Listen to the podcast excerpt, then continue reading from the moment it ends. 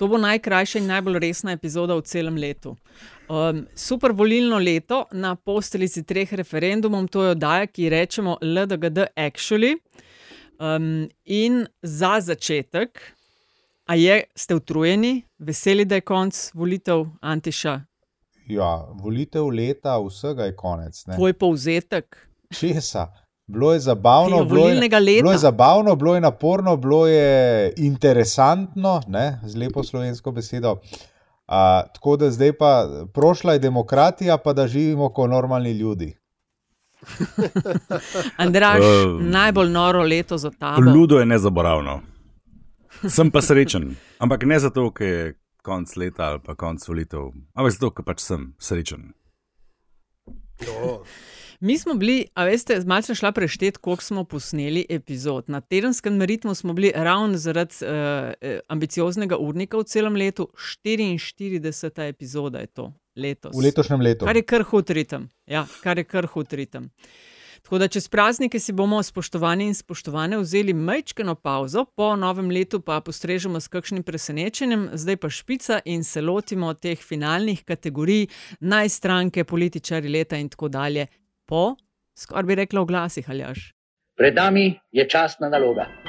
Jaz se bom zahvalil gospodu Janezu Janši, da mi je rekel, da zdaj je moje novo poslanstvo tukaj z vami. Drugače mislečih je tukaj samo ene pari in vemo, kdo so. Malo me boste zrinili iz mize, gospodje, ampak hvala. A ti veš, da ta šlepanje nikoli obstaja, da nas je un nategnil na cel čas. Jaz uh, na takem formatu ne vidim popolnoma nobenega smisla. LDGD je podcast, ki nikogar ne podcenjuje in ničesar ne jemlje preveč resno. V imenu svojih najbližjih in v božjem imenu vas pozivam na lov. Bom kdaj pa kdaj stresla kašno šalo.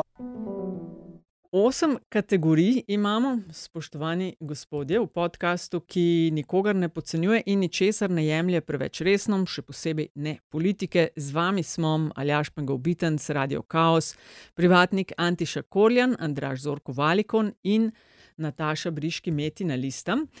Um, gremo kar k prvi kategoriji, uh, Aljaš pa se mogoče izmenjaje si podajajva in um, izvoliti politično stranko leta prepustim. Jaz sem zdaj napovedovalec. Ja, kaj pa, kaj pa midva, Ampak kaj pa smo s- midva?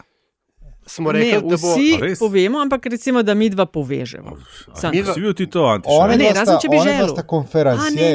Ja, pa vedno, O, vedno smo si hotela- štiri to govorili. Grozno. No, oprostite, evo, izvoli, Andraš, tebe zdaj par Dvakrat epizod me ni, bilo, pa je vse narobe, ne, začni ti. pa vse narobe. ne. Ja, ampak Ja, ja, res. ne. Ampak res, Ja, šlamparija. kje, kje sem pa bil, kje sem pa bil? Mislim, to veš samo ti. Ne? Se pravi, še zdaj ne vem, če sem čisto res, tako da bom poslušal. Kdaj je to na sporedu? To bo na sporedu klasično, v A, petek. petek. Aha, ja. Božični Vidim, da sem petek, ful resen. Medtem, ko se boš držal z ročicami svoje uh, najbližje in boš gledal stežinke, kako padajo z neba. Uh, in boš poslušal Pengovskega, kako preklina. Tako da ne can pizda, že s- začne. You can say that again. ne. Ok, prva kategorija, smo kaj uvoda naredili, LDGD, kaj delamo, zbiramo najboljšo politično stranko leta, politike razočarane itd. Vsak ima štiri predloge in če se o njih zedinimo, ga s konsenzom razglasimo za to, kar ne bi bil, če ne, se pa spremo na polno. In v prvi kategoriji politična stranka leta, torej stranka, ki je najbolj zaznamovala leto 2022, se definitivno ne bomo sprli, ker Nataša Briški predlaga, Gibanje Svoboda, Aljaš Pengov Bitenc predlaga, Stranko Gibanje Svoboda. Antiša Korjan predlaga, Predlaga gibanje Svoboda. jaz bom pa uh, v splošno presenečenje vseh začuda predlagal gibanje Svoboda. Zakaj? Evo, Gibanje Svoboda, ne teden, v bistvu tedne po ustanovitvi, so pobrali 41 poslancev in poslank na državno-zborskih volitvah, debela zmaga, na lokalnih tri župane, 415 svetnikov smo šla štet, kar uh, je spet uspeh, drugo največje število svetnikov in svetnic, vsi trije referendumi njihovi dobljeni. Po prvih mesecih mogoče tudi enake težave kot vse nove stranke.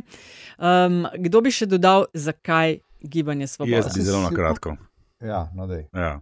Izvoli. Ena stranka, ena vlada, en vodja, to je to.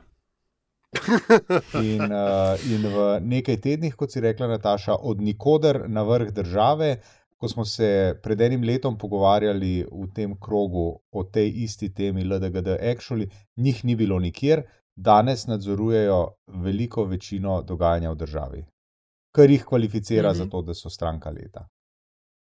Brez konkurence, niti blizu ne nihče. Antiša izvoli, druga kategorija.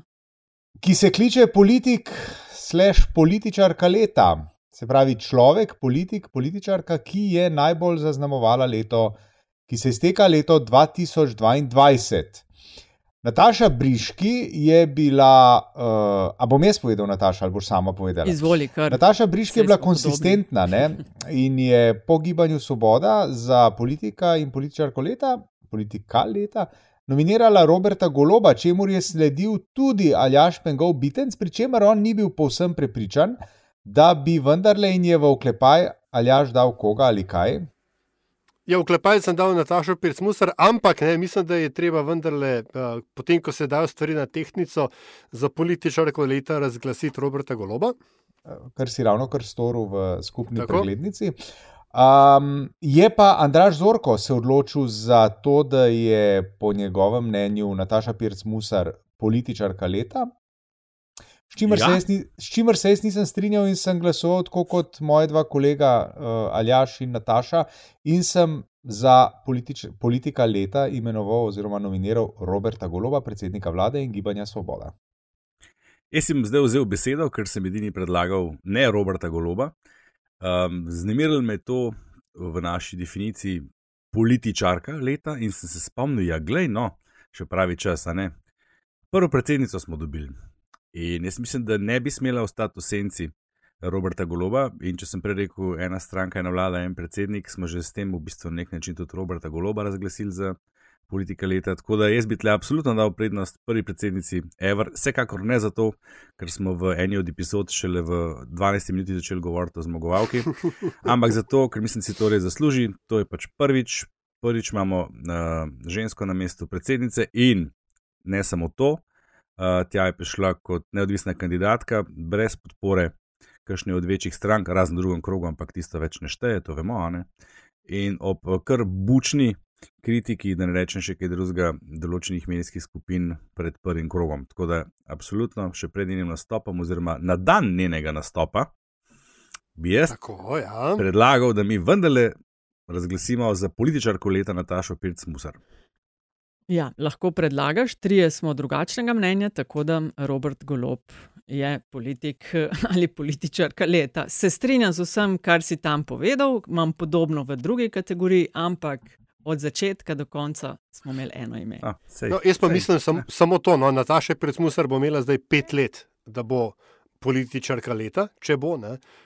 V letu 2022 bo pa točno en teden na funkciji, en teden bo zares političarka, tako da njen čas še pride. In tretja kategorija, ki jo imamo, je eh, rečemo razočaranje leta. Se pravi, bodi si oseba, stranka, dogodek ali dejanje, ki nas je najbolj uh, razočaralo. Mi dva z Andražem sva zbrala levico, Aljaš Janeza Ciglarja kralja in Antiša Roberta Goloba. Um, Aljaš, mogoče ti najprej pojasni, zakaj Janez Ciglar kralj. Ja, iz, uh, to sledi iz opisa. Skratka, oseba, stranka, dogodek ali dejanje, ki te najbolj razočaralo. Mene pač je klele moj sošolc razočaral. Jaz ne morem drugega reči. Jaz sem imel uh, vel, velike upe za njego, njegovo predsedniško kandidaturo in uh, njegovo politično kariero. Uh, zdelo se mi je. Uh, Odločitev, da se ga nominira za za kandidata za predsednika države, se mi je zdela zelo uh, se temu reče z lepo slovensko besedo, inspired, ne se pravi navdahnjena.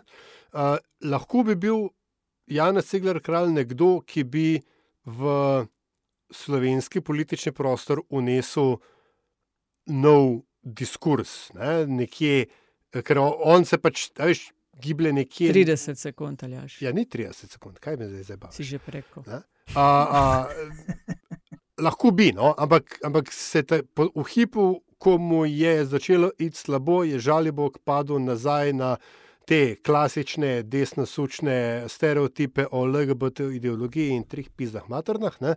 In tam se je meni kar tako, mečkam je srček počel, ne? ker sem pa mislil, da mogoče pa vse ne, ne bo, ampak je bilo tako in evo in sem razočaran. Jaz pa moram nekaj priznati. Ne.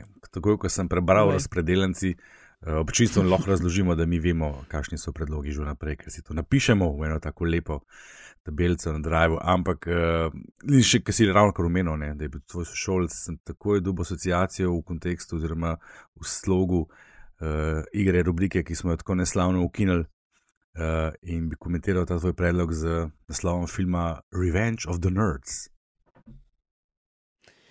Andiša, ti si izbral Roberta Goloba, že predtem pa tudi ja. za političarja leta. Predvidevam, da z tudi razlogom, ki si ga pojasnil v prvi točki, zakaj torej gibanje Svoboda stranka leta. Ne? Da je podobno. Ja, no, mislim, zakaj, jaz sem se kar precej ukvarjal s tem, koga zdaj nominirati, pa sem se na koncu odločil, da predlagam oziroma nominiram predsednika vlade. Zakaj? Zaradi tega, ker je bilo ob njegovi izvolitvi v to, kar naj bi sledilo, investirano res ogromno enih pričakovanj, ki se uh, v bistvu doslej še niso prav zelo uh, uresničila. Ne? Sej, vemo, da ti enih stvari ne moreš poštivati v pol leta, ampak uh, v teh pol leta pa kakšnih stvari lahko tudi ne narediš. Ne? In uh, se pravi, stvari, ki jih je predsednik vlade storil, ne? Prvi vrsti boj z uh, notranjo ministrico in razlogi, zakaj je to storil. Tako da um, jaz bom vesel, če bom drugo leto lahko svoje mnenje revidiral. V tem hipu in uh, Robert Golop ne bo razočaranje leta, ampak v tem hipu žal, žal uh, moram pri tem ustrajati. Andraš, da vidim, v čem se mi dva tako zelo strinjava. Zakaj si ti izbral levico kot razočaranje leta, stranka levica? To je en tak predlog, ki ima, kot se reče, temu dolgo brado. Um, levica je stranka, ki je v prejšnjem mandatu, se pravi še prejšnjem, v vladi Marena Šarca odigrala tisto ključno vlogo, čeprav ni bila del te vlade, uh, ki je na koncu pripeljalo do. Razpada tiste vlade in dveletne vladavine Jana Zajanša, potem so šli na, na volišča, no, na volitve, tam doživeli kar hud poraz. Nikoli ne bom pozabil izraza na obrazu Luke Meseca ob 11:23, um, na kar so šli v vlado brez kakršnih koli zadržkov, za razliko od 4 leta nazaj. In v njej ne igrajo takšne vloge, daleč od tega, kot so jo takrat, ko niso bili del vlade, pa so bili del vlade. Uh, in se mi zdi, da, da so oni tudi za svoje voljivce kar veliko razočaranje. Glede na to, da v teh pol leta zaenkrat nismo videli prav za res nič od njih, razen nekaj uh, tweetov in PR-ovskih izjav. Mm. Um, jaz uh, dodam, meni se zdi strašno slabo leto za njih. Ne? Na to, kar si že samo omenil, do zadnjega trepetal za vstop, vsega 4,46 odstotkov, mnogo več se je pričakovalo. Potem na predsedniških volitvah kandidat Kordeš 2,81 odstotka glasov, daleč najmanj od vseh. Na lokalnih volitvah pa zdaj grejo oni že v tretji strankarski mandat, ne? dva so oddelali, tretjega mislim, da grejo, ni še četrti. Ne? Na lokalnih volitvah nič županov, zdaj v celju, sicer uh, ta gospod, ki je njihov svetnik, ampak je očitno ocenil, da pod zastavo levice nima šans, in vsega 23 svetnikov na lokalnih volitvah, pa mislim, da jih je več kot 3000. Imajo programe za javno zdravstvo, za javno šolstvo, solidarnost, za prizadevanje za malega človeka, kako koli temu reče, ampak grozljivo slave kampanje, ki jih uh, ljudje očitno ne kupijo. In še nekaj bi dodal, kan, ja. kandidatka za županjo v Ljubljani. V Ljubljani se par stvari dogaja, ki so na kožo pisani tej stranki in njihovem programu, in namesto tega, da bi se združili, da bi zdru, poskušali združiti sile in prišli na volišča, z, spet na volišča, na volitve z um, kandidatom, ki dejansko ima možnost, so pa spet prepustili Zoronu Jankoviču, da še enkrat zmaga v prvem krogu. Skratka, jaz imam ful večja pričakovanja od njih, zato mogoče razočaranje uh, toliko večje. Uh, Predajam štafeto ali až četrta no. kategorija. Evo, ste slišali levica, do better or something. Naslednja kategorija je, quote unquote, drugi dogodek leta. Skratka, verjetno obstaja nek. Uh, širši družbeni konsens o tem, kaj je the dogodek leta, ampak kaj je drugi dogodek leta, ključni dogodek na notranjem političnem parketu, ki je zaznamoval leto 2022, pa mogoče uh, ni čisto na vrhu. In uh, Nataša Briški je uh, izbrala uh, prvo predsednico države. nepresenetljivo, glede na to, kaj si malo prej povedala. Um, moja malenkost uh, se ni znal odločiti med demontažo uh, RTV Slovenije ali razsodbo glede pravic do uh, porok in posvojitev istospolnih parov, ampak ostajam pri uh, demontaži RTV Slovenije kot uh, drugemu dogodku leta. Uh, Antiša Korjan pravi, da so drugi dogodek leta predsedniške volitve kot menjava generacije na vrhu, se pravi ne po spolu, ampak po generaciji. Andraš Zorko, uh, doktor Zorko, tako kot strokovnjak, Zorko, pravi, Zorko, da je ne Zorko. Zorko, Zorko. Zorko, Zorko, Zorko. Kaj ta sezona ali až se bo šlo nekje Aha, tam? vidim, da je ena bolečina, redu. Ja, ja. so do. Ma Ne, ne, sem Ne. to. Ne, niso. Ne, ampak po mojem, on edini. Ne, so, so še kakšni se najdejo, to treba priznati. Še se najdejo, ta? Zorko, ja, ne vem odkot in zakaj. Je pa Aljaš dosleden in tudi uh, propadlega kandidata za župana v Brežicah tako izgovarja. Ne? Zorčič. A res, nisem A res, zakaj? Ja, Aljaš, ne. ampak- Ja. Pa, ampak Dobro, to saj pa imam, nadaljuj. široki obma tudi pri otrok, pa tako dalje. Tako da, ja, lej, ne vem, neke moje gorenske korenine um, uh, ven tolčejo. Ne. Skratka, um, skoraj um, tako rekoč strokovnjak, dr. Zorko, ne, pa za drugi dogodek leta razglaša menjavo ministrice Bobnar. Tako da, dajmo najprej ločiti um, Briški in Korjan, vidva sta oba isti dogodek dala, ampak iz različnih razlogov. Zmenta se. Mm, Mislim, se ne rabimo zmeniti. Jaz dodam, mislim, tisto, kar je uh, Andraš par minut prej povedal, meni se zdi kot politik leta, da je golob, ker od januarja do decembra je non-stop na tapeti in v prvih vrstah, gospa uh, Nataša Pirc-Musar pa drugo polovico leta, pač dva momenta.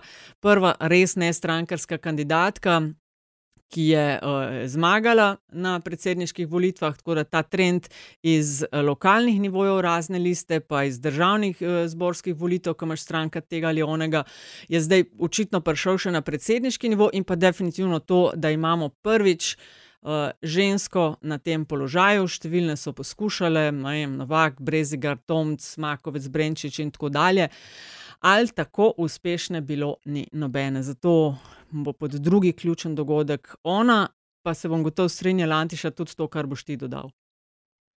Ja, ona, ki je uh, sicer uh, pozna 60-ta, rojena v poznih 60-ih, ampak tisto, kar so predsedniške volitve prenesle, tudi je kar nekaj kandidatk in kandidatov, rojenih tudi pa že v poznih 70-ih. Uh, kar nakazuje neminovno, da se generacije menjajo. Ugotavljamo, oziroma smo ugotavljali, da od eh, tistih prve generacije osamosvojiteljev ostaja v aktivni politiki po odhodu, zdaj eh, skorajšnjem odhodu Boruta Pahorja, samo še Janez Janša. A, tako da zdaj je generacija preskočila in državo prevzemajo ljudje rojeni v drugi polovici 60-ih in kasneje, ne? kar je približno naša generacija. Pa lejte, kje so oni, kje smo pa mi, Madonna, Madonna. Kdo kle snima do poslušane podcaste? Ne? No, doktor Zorko, dajmo, menjava ministrica Bobnar. Zakaj je to zdaj vendarle tako pomembno po tvojem? Ja, zelo svež dogodek, ne. Uh, mogoče sem se tudi to na njega najprej pomislil, ampak jaz mislim, da je to en tak dogodek, katerih, katerega posledice bomo šele videli, če za res. Da je tle ta vlada izgubila nedožnost, da je to pač po vseh atributih sodeč res drugi dogodek leka, leta, ker nima toliko pozornosti, niti ni tako pomemben bil kot so recimo volitve in vse ostalo. Ampak sem pa mnenja, da bo imel uh, daljnosežne posledice za to vlado. Mm, in mislim, da ne sme ostati spregledan, zato predvsem ga kandidiram za drugi, v narekovajih, dogodek leta. No, in če dodam še mojih uh, 5 centov, demontaža RTV Slovenija poteka v resnici že od konca lanskega leta. In, uh, in kar še, in kar še, in kar še buldožerirajo, v, ne glede na to, kakšen pushback se dogaja proti vsem protestom in uh, uh, mislim, z vsemi protesti, z vsemi demonstracijami in, in, in uh, zlor, pa zlorabami pooblastil na strani uh, uh, upravljavcev RTV-ja. Uh, in to je že toliko časa poteka na tedenski na dnevni ravni, da je že skoraj eh, nova normalnost. In obstaja resna nevarnost, da se mi tega navadimo prej, preden bo RTV se začel nazaj postavljati. Ne, to je super, da imaš tole noter, ker če ne drugega, demonstracija vsega tega, kar si pokazal, je bila tista naša slavna, mislim, v narekovaju naša, vaša, ker ste videli glasove za to, uh, politbizarka leta, um, ali eden od predlogov, ne, um, soočenje, uh -huh. famozno. Ja, ja. Za, od od Pirkoviča, ki je, mislim, da politbizarka z daleč največjim odstotkom glasov, ki jih je prejela, mislim, da 80 odstotkov plus ali nekaj takšnega. Tako je. Ja. Skratka, no, gremo naprej. Ja, podvala leta. To je pa rubrika, ki nam je podvalil Aljaš v prvi sezoni. Je upisana kot nekaj, kar se je zgodilo skoraj da mimo naše pozornosti, pa ima potencial, da dolgoročno vpliva na razvoj dogodkov ali družbeno klimo. Tu smo si povsem različni. Namreč Nataša Štefi je predlagala svet za prehrano in kako je treba jesti manj mesa, še ena zelo sveža zadeva. Um, Aljaš predlaga fursovo sledenje brez sodne odredbe, uklepaju še nekaj, kar bodo naslednji avtoritarci s pridom izkoriščali. Mm -hmm, naslednji avtoritarci, mm -hmm, torej so teli zdaj tudi ali kaj. Mm -hmm, mm -hmm. Anteša Korljan z predlogom Anžel Logar kot predstavnik zmerne politike, ja pa jale. Sam sem pa nominiral uh, oportunost oziroma oportuno civilno družbo. Oportunistično. No. Ja, okay. No, no, no pa se pa še kar zagovarja. Ja. No, no, da se pa zagovarjal, imam občutek, da ne samo pred vami tremi, ne? se bom kar predvsem že vnaprej. Namreč, um, jaz, ad ena, ne bi vsega, kar se je zgodilo na področju organiziranja civilne družbe, aktiviranja civilne družbe v zadnjih letu, letu in pol, uh, stlačil v eno vrečo. Jaz mislim, da obstajajo določene razlike med različnimi inicijativami, ki jih štejemo zdaj pod to skupno ime. Niti ne bi, čeprav sem pred časom govoril o neki, neki kontinuiteti z novimi družbenimi gibanji, tega s tem res primerjal, ker je razlika kar očitna. Ad dva pa predvsem to, kaj se zgodi potem, ko se vlada zamenja, Uh, Tle bi pa izpostavil predvsem inštitut 8. marec, ki mislim, da ni najbolj zaslužen, daleč od tega, niti za uspehe na volitvah, niti za, v smislu udeležbe, niti za to, ker se vse pripisuje tem inštitutu, ampak da je samo zelo dobro spijaran, uh, kar me seveda moti. Um, In njihova izjava, češ še pred volitvami, da vsaki vladi bomo gledali pod prste, ko so pa volitve mimo, ko so pa vse te zmage dosežene, pa mi gremo pa zdaj malo počivati, mi bomo pa zdaj malo lenarili, ker eh, ne, ne pristajamo na imperativ uh, konstantnega dela ali neoliberalističnega, ne, ne, ne, neki, neki, ne. Ampak ne? kaj, ker so vsi zdaj pa, mislim, ne, zdaj pa ne, kaj pa zdaj, nekje smo pa zdaj, ko gledamo pod prste, ta vlada je tle že pol leta, sto dni je že zdavni mimo. Uh, stvari se dogajajo, ki absolutno ne gredo v uh, skladu s tem, kar so oni zagovarjali in ta, te stranke pred volitvami, in so kar lepo tiho, z izjemo enega protesta, ki ga je Jaša Enul izpostavil tudi v zadnji tarči, uh, ki pa se mi spet zdi, da se je zgodil na napačnem mestu in da je smeren proti napačnim, napačnim naslovom. Tako da jaz mislim, da je zakaj podvala? Zato, ker um, se nam podvaljuje civilno družbo kot rešiteljico uh, stanja v državi, pa jaz na to ne nasedam in mislim, da moramo biti na to pozorni, ker je dejansko ta civilna družba v veliki meri v službi oziroma nek način podaljšek nove vladne garniture, s čimer razgubi seveda ta atribut civilne družbe. Tako, deal with it. Antiša? A bi še kaj dodal, Andrej? Na kraju smo izlagali. Kaj res misliš? No? Jaz, nominiram, jaz nominiram kot podvalo leta Anžeta Logarja, uh, ki so nam ga in se nam je uh, pred volitvami prodajal kot predstavnik zmerne politike. Anžet Logar je še vedno, ne glede na to, kaj je po volitvah počel, je še vedno viden predstavnik stranke, ki je vse prej kot zmerna in je predstavnik stranke, ki v Slovenijo in slovensko politiko uvaja in vnaša nove standarde, na način, da te standarde vedno bolj in vedno bolj znižuje. Tako da tukaj o kakšni pretirani zmernosti, jaz mislim, da ne smemo in ne moramo govoriti. In je prav, da na to tudi opozorimo, ne glede na to, kaj nam je marketinška strategija Anžeta Logarja uh, v mesecu pred volitvami, ali pa nekaj mesecih, no, pred volitvami, skušala prodati. Aljaš. No, da sem na vrsti jaz. Uh, skratka, razlog, ne, oziroma povod za podvalo leta je bil takratni 37a člen zakona o obrambi, ki je omogočal um, aktivacijo vojske uh, tudi znotraj, um, mislim, preko nekih um, obrambnih um, to, razlogov. Uh, takrat uh, povod za ta člen je, bil, je bila migranska kriza. Ne? In takrat sem jaz že govoril, da je to slaba ideja, ker bomo prišli v situacijo, ko bo ta 37a člen uporabljen za ne migranske in ne obrambno-mejne naloge. In seveda v letu pandemije smo prišli also fucking close to that exact scenario. Ne? In nas je to bolela glava šele leta potem, ko je bilo to, je bilo to uh, uh, sprejeto. In zdaj smo mi spet v takšni situaciji.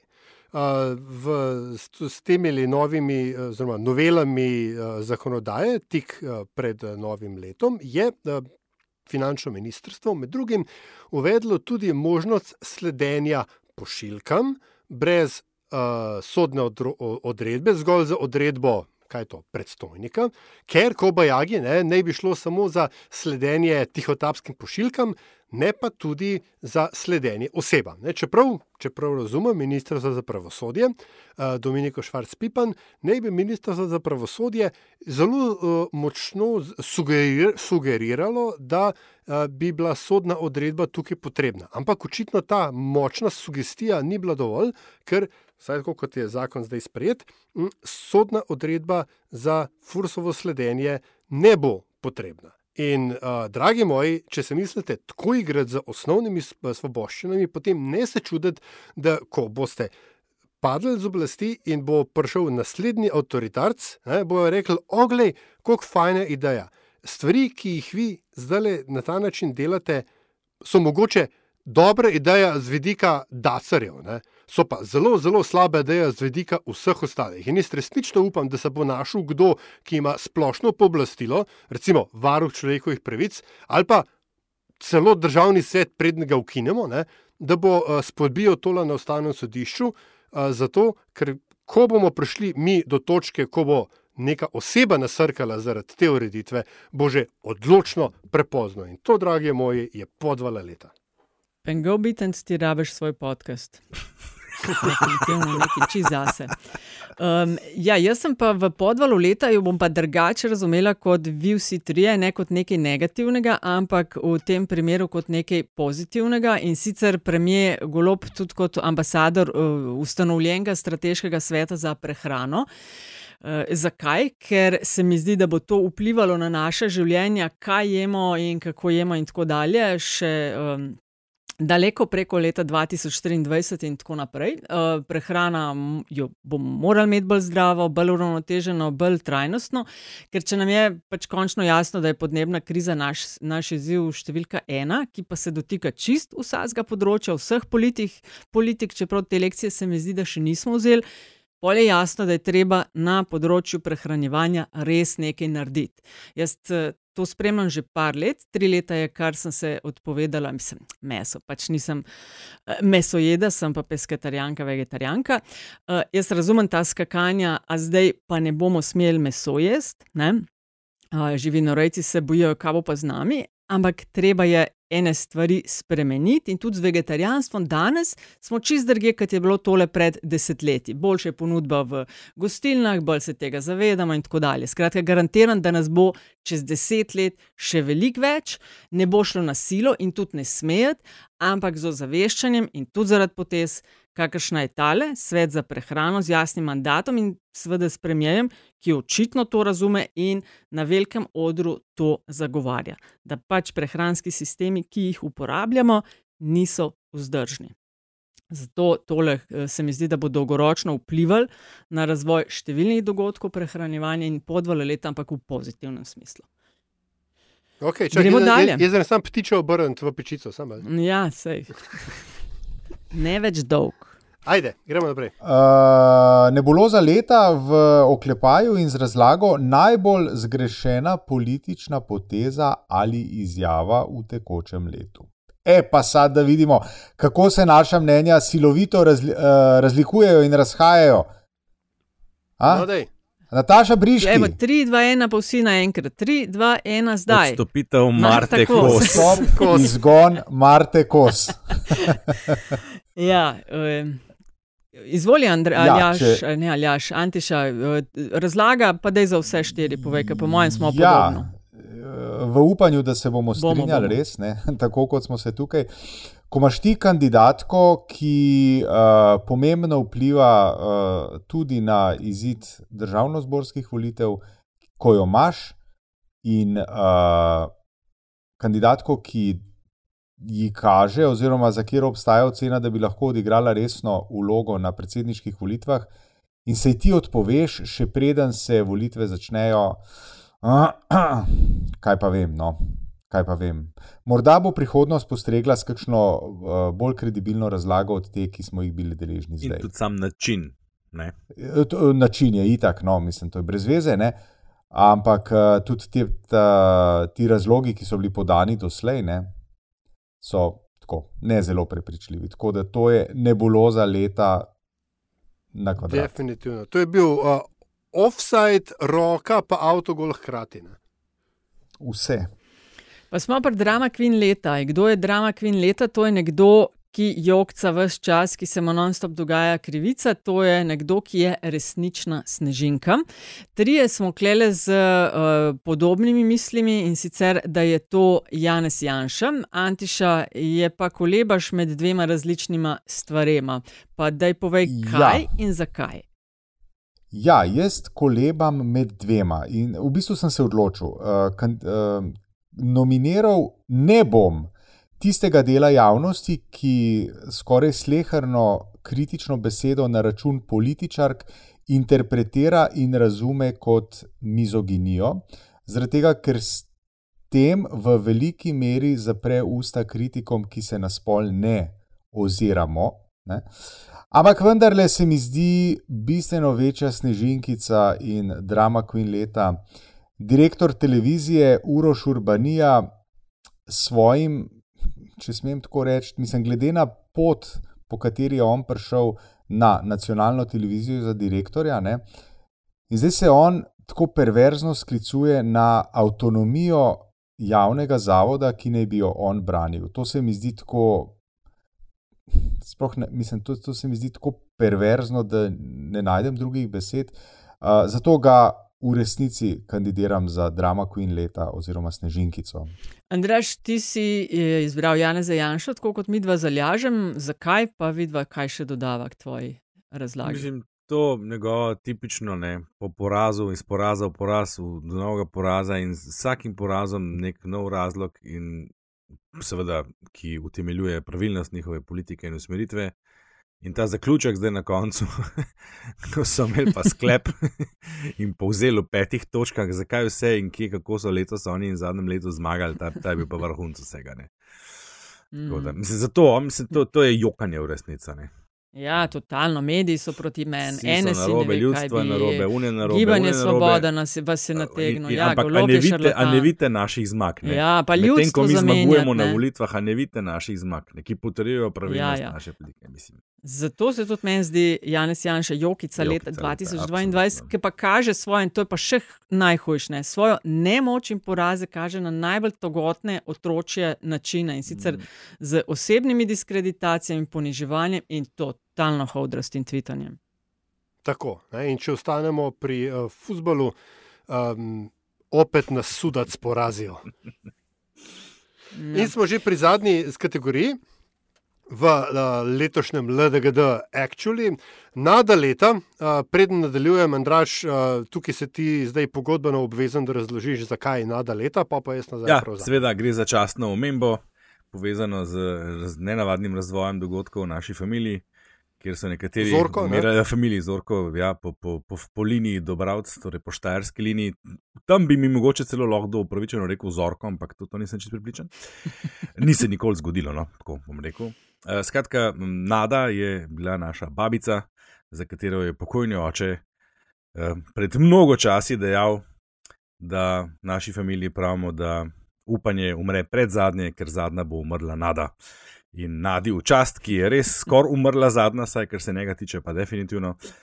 Um, eh, se, smo to rubriko poimenovali Nada leta. In če uh, podaljšamo, gre za uh, osebo ali dejanje, ki vzbuja upanje, da vendarle ni še vse izgubljeno. In uh, kolegica Briški je uh, nominirala Inštitut 8. marec, pa protestno ljudsko skupščino, pa pravno mrežo, pa danes je na dan, pa aktivne državljanke in volivno udeležbo. Skratka, če poskušam povzeti to, kar sem jaz nominiral pod civilno družbo, a sem prav Ja. povzel. ne? A, kolega Korljan je nominiral tiste v Sloveniji, ki so kritični do, kot, eh, tako do enih kot do drugih. Mm, Tako rekoč eh, strokovnjak in poznavalec dr. Zorko pa je nominiral državljane Slovenije kot voljivce. Jaz moram na tem mestu en disclaimer reči, ker se veliko ljudi moti. Jaz sicer razumem, zakaj prihaja do tega, ampak ali ja še tam že večkrat ponovil, jaz bom pa mogel zdaj vsaj enkrat reči, jaz nisem v resnici, I'm not a real doctor, to dobro vemo. To je pač insiderska fora, ne, ki In jo joke, ki traja že nekaj let, pa ne tega okoli govoriti. Ja. A lahko nadaljujem, A, kaj sem že glitle. Državljani Slovenije. No, daj, ja, no, daj. državljani Slovenije. Zakaj? Jaz mislim, to sem že pa prej namignil. ne. Jaz mislim, da se res precenjuje uh, vpliv in predvsem pripisuje preveč zaslug uh, prej imenovanim institucijam z področja civilne družbe, ki jih je Nataša nominirala. Jaz mislim, da se tle s tem podcenjuje avtonomnost odločitve državljanov Slovenije, tistih, ki smo se odeležili volitev, da se vendarle odeležimo volitev in to ne samo enkrat, začenši z referendumom julija 21 in potem aprila letos z res visoko udeležbo, in potem še naprej na vseh volitvah, ki so sledile, no, kljub vsemu, da so, temu, da so bile ena za drugo, da je bil november, da je bilo ne vem kaj vse. Skratka, eh, državljani Slovenije so po nekaj letih padajočih volilnih udeležb in posledično čudnih kombinacijah vladnih prišli na volišča, rešili stvar, zdaj, kakšna ta stvar je, o tom potom, ampak ne, jaz vidim, da tukaj je nada, ne, to je, to je up, da ni še vse izgubljeno. Um, zato nominiram vse državljane Slovenije, voljivce, ki so prišli na volišča. Tako kot Nobelova nagrada, ki smo jo nekoč dobili vsi člani in vsi državljani uh, Evropske unije. Nekako tako. Antiša, ti, jaz sem ti pre- preskočil, ti si rekel, tisti mediji v Sloveniji, ki so kritični. Ja, tisti mediji. Drugih, ja, ja, zaradi tega, ker sem opazil tudi ne na zadnje, uh, uh, do nas so prišli neke ocene, kako, kako ni prav, da svoje, svoje v narekovajih uh, kritiziramo. Jaz pa mislim, da je to ključno. Ne? Jaz mislim, da je ključno, da se uh, ne govori, oziroma da se ne gleda skozi optiko, kdo nekaj dela, ampak kaj nekdo dela. In zdaj, če nekdo, ki ga načeloma v določeni situaciji lahko tudi podpreš, dela uh, neumnosti, dela nepravilnosti, se s tem približuje uh, tistim ali tistemu ali tistim procesom, uh, ki jih je elektorat v veliki meri zavrnil, potem se mi zdi prav, da to povemo. In ključno vlogo, oziroma zelo pomembno vlogo, vsaj če ne ključno, pri tem imajo mediji. Zato se mi zdi, da je prav, da mediji to počnejo, ne glede na to, kako voljivci uh, gledajo na to. Mediji so in smo na tem svetu zato, da uh, s prstom pokažemo na tisto, kar je v družbi narobe, in dokler bomo mediji to počenjali, do takrat še upanje ni povsem izgubljeno. Antiša iz uredništva Metine liste kličemo hvala. Uh, z velikim veseljem sem Ti počaščen. si v bistvu nas nominiral. Ja. Uh, samo nominacija. No, ne Neskromno. samo nas, ne samo nas. Neskromno no, bom rekel, uh, ne ne skromno, samo nas, ampak zasluženo. Ne, Zasluženo. Tako. Mm, tega, tega ne bi, uh, mogoče tega jaz ne bi niti uh, storil, oziroma bi imel kakšno drugo nominacijo, če se v zadnjih treh tednih ne bi zaznal en premik v medijski uh, prezentaciji tega, kar počne aktualna oblast. No, a, bom pa jaz, Nataša, me bo seveda Izvoli. dopolnila. ne. A, razlog, zakaj sem jaz civilno družbo nominiral, je na nek način nadgradnja tega, kar je Andraš povedal. Jaz razumem, Andraš, tvoje razloge in na nek način se z njimi st- strinjam. Tisto, kjer pa mislim, da je civilna družba a, dala, se pravi v obliki vseh teh organizacij in skupin, ki so se pojavile, njena dodana vrednost tukaj je bila v organiziranem angažmaju. Državljani se seveda morajo angažirati, morajo biti angažirani, morajo biti aktivni, to je jasno. Uh, ta organ, moment organiziranosti je pa nekaj, česar pa mislim, da v tej državi že dolgo, dolgo, če sploh kdaj, ne, nismo videli. Saveš stvari, kot so um, bumper stickers, pa m, pisanje po pločnikih za usmerjenjem ljudi na volišča, spletne igrice, vse te milijon načinov, kako doseči voljivce, ne? razumevanje, da, so, da smo voljivke in voljivci fragmentirani po milijon mehurčkih, ne? da so te organizacije so šle tja, kjer voljivci so in so, jih, so jim rekle, pejte na volišče in potem voljivci so in smo šli na volišče. In tukaj mislim, da je ta dodatek in zato uh, se mi zdi, da je civilna družba zasluži to nominacijo. Ob seveda, ne, uh, mahajočem prstu uh, uh, Vinkota Hafnerja, ne, uh, naj se to zdaj ne konča. Um, jaz ne bom nič mahala s prstom, ker nihče ni popoln in vsi delajo napake. Ali jaš, ki si omenil, da mogoče še nikoli nismo imeli, po mojem, je v 80-ih bilo enako žvo in na poskok, konc 80-ih sploh, potem pa smo. Kot civilna družba za 30 let zaspali, mi dva sva bila oba dva del ene inicijative za prostore svobode, ko smo okrog leta 2011 poskušali takrat v kontekstu referenduma za oziroma družinski zakonik, ne, uh -huh. je bil uh, spodbuditi, da smo uh, ljudje različnih barv in okusov ne, in da naj veljajo enaka pravila za vse. In je bila takrat udeležba in odziv uh, precej švohen, zadnji dve leti pa lahko gledamo, da uh, smo se pre, prebudili, da nekdo je nekaj mogel delati, da se je to zgodilo, sami državljani in državljanke, sami od sebe se to ni zgodilo. In jaz mislim, da uh, velik, velik, pomemben kamen uh, v tem mozaiku nosijo tudi organizacije, ki uh, si jih naštel v mojem imenu, ali až pa še prav gotovo smo kakšno pozabili. Uh, in se mi zdi tudi prav, ker zdaj se sicer maha s prstom, ja, kje ste pa zdaj, ne, uh, je Antiša samo menil. Tudi v medijih zaznavamo drugačen tretma, kot je bil zadnji dve leti, recimo medijev, ki so jih, ki jih je tista aktualna vlada takrat imela za svoje drugače se zdaj dogaja, in eh, da imajo tudi vse te organizacije in ljudje, ki delajo za te organizacije, ki so skoraj izključno prostovoljci in prostovoljke, absolutno tudi kakšno minuto in kakšen mesec, da se usedejo in nič ne delajo. Ne? Ker praviloma za stvari, za te uh, hoditi po Sloveniji, stati na štantih od jutra do sutra, niso za to nič plačani, uh, ampak vse en to počnejo in da je tudi zaradi njih narasla udeležba in na referendumih in na vseh volitvah, ki smo jih imeli. Tako da zato, kot nada leta, jaz civilno družbo, isto kot uh, ti, Aljaš. Evo, in tako smo prišli do konca. Ne?